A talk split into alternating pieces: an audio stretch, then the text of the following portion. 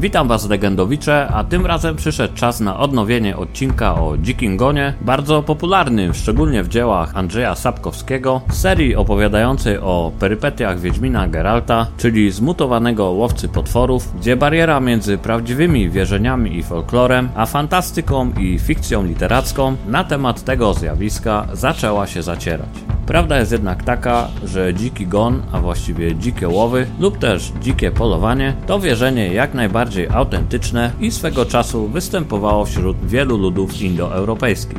Ale może po kolei. No bo jak to w końcu było z tym dzikim gonem? Czy w tej kwestii Andrzej Sapkowski nas okłamał? Więc od razu odpowiadam, że nas nie okłamał, ponieważ dziki gon przedstawiony w jego powieści, pomijając kilka szczegółów, jest najbardziej zbliżony do tej pierwszej, a właściwie drugiej skandynawskiej wersji, ale do tego jeszcze dojdziemy. Jednak jak to wyglądało w tamtych czasach, czasach Słowian i German? Otóż z punktu widzenia ludzi żyjących w tamtych czasach, pojawienie się dzikiego gonu czy też dzikiego polowania zwykle nie zwiastowało niczego dobrego i przeważnie było zapowiedzią wielkiego nieszczęścia, a jego opis zmieniał się w zależności od obszaru geograficznego oraz historycznego okresu danej kultury czy wierzeń. Na przykład w podaniach germańskich i łużyckich gon przyjmował postać licznych orszaków, demonów i półdemonów, wściekle pędzących na nieszczęście i zgubę ludzką. Kaszubowie z kolei dziki gon zwykli nazywać farmazonami, czyli demonami powstałymi z dusz umarłych, którzy za życia byli źli, niegodziwi, a nawet nieuczciwi.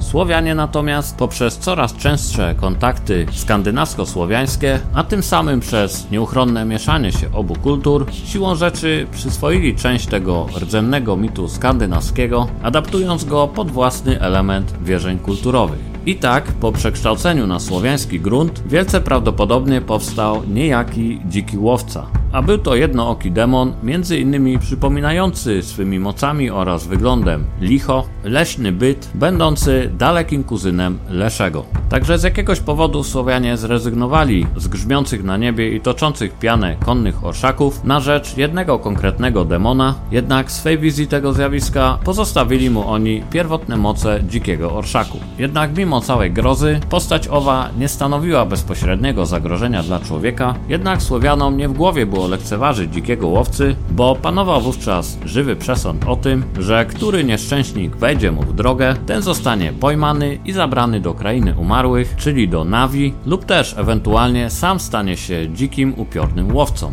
Także wyobrażeń dzikiego gonu było niemało, od wściekle galopującego po nocnym niebie upiornego orszaku łowców do pojedynczych demonów leśnych o nie mniejszej mocy, budzących równie wielkie obawy oraz szacunek co ich skandynawska wersja. I prócz ogólnie przyjętej nazwy dziki gon, jak już wcześniej wspomniałem, zjawisko to również zwano dzikimi łowami lub dzikim polowaniem. Zasadniczo sam drugi człon określenia dziki gon sam w sobie oznaczać miał łowy oraz nagonkę. Zaś ten niesamowicie stary mit oraz wierzenie pojawiać się miało nie tylko u German i Słowian, ponieważ ludów, które wierzyły w dziki gon było mnóstwo. Przez co rzeczą naturalną jest też, że często obraz. Tak dzikiego gonu zmianom ulegał w zależności od kultury go adaptującej. Jednak ostatecznie najbardziej znanym przedstawieniem dzikiego gonu jest jego niemiecko-skandynawska wersja, prawdopodobnie dlatego, że ich mity zachowały się znacznie lepiej niż na przykład z wiadomych powodów wierzenia i mity słowiańskie.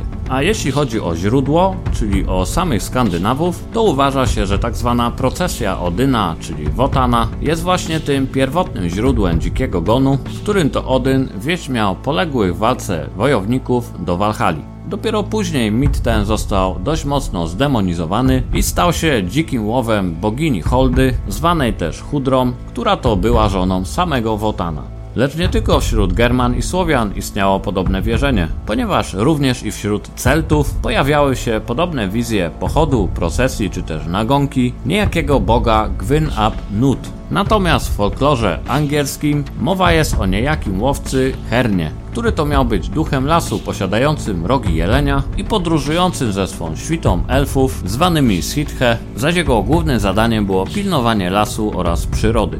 I owe przykłady jasno pokazują bliskie związki z mocami natury, a ostatni, czyli właśnie Hern, z pewnością przywodzi na myśl słowiańskiego Leszego, a nawet Karkonosza, ale prócz tego jest jeszcze parę ciekawych aspektów przypominających zjawisko, jakim jest dziki gon, zaś pierwszy łudząco przypomina dzisiejsze relacje osób wierzących, iż zostały porwane przez tak zwanych obcych. Z kolei aspekt drugi to oczywiście jeźdźcy apokalipsy, których mit pochodzi z wierzeń chrześcijańskich i to właśnie jeźdźcy apokalipsy najbardziej podobni są do pradawnego dzikiego gonu, którego to legenda jest o wiele, wiele starsza od samego chrześcijaństwa. Jednak pierwszy przykład też nie jest bez znaczenia, bo w tamtych czasach czasach Słowian oraz German, porwani przez dziki gon, również doznawali tzw. Tak dylatacji czasu oraz niepamięci, a czasem też pojawiali się po kilku dniach, miesiącach, a nawet latach od zaginięcia w miejscach, w których normalnie nie mieliby szans się znaleźć, szczególnie po paru dniach od zajścia takiego incydentu. Także i dzisiaj ludzie zauważają podobne zjawiska, oczywiście nadając im miano i znaczenie odpowiednie do aktualnych czasów, a wracając jeszcze do pisarzy poruszających temat dzikiego gonu, to nie zalicza się do nich jedynie Andrzej Sapkowski, ponieważ kilka zdań na ten temat napisał chociażby Henryk Sienkiewicz w swoim Potopie,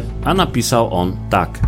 I w tych lasach i na pustych polach lecieli jak ów orszak piekielny rycerzy krzyżackich, o których lud powiadał nasz budzi, że czasami wśród jasnych nocy miesięcznych zjawiają się i pędzą przez powietrze, zwiastując wojnę i klęski nadzwyczajne. Ten tent leci przed nimi i za nimi, z koni zaczęła para buchać i dopiero gdy śniegiem pokryte dachy lubickie ukazały się na zawrocie, zwolnili bieg.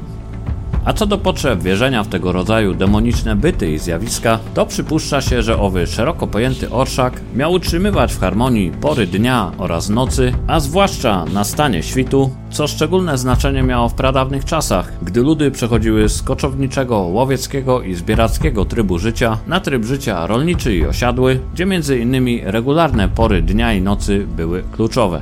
Gon miał też być uosobieniem potęgi natury oraz pierwotnego i dzikiego pochodzenia człowieka, dzięki czemu stanowił jasną wizualizację i przeciwwagę dla osiadłych już ludzi.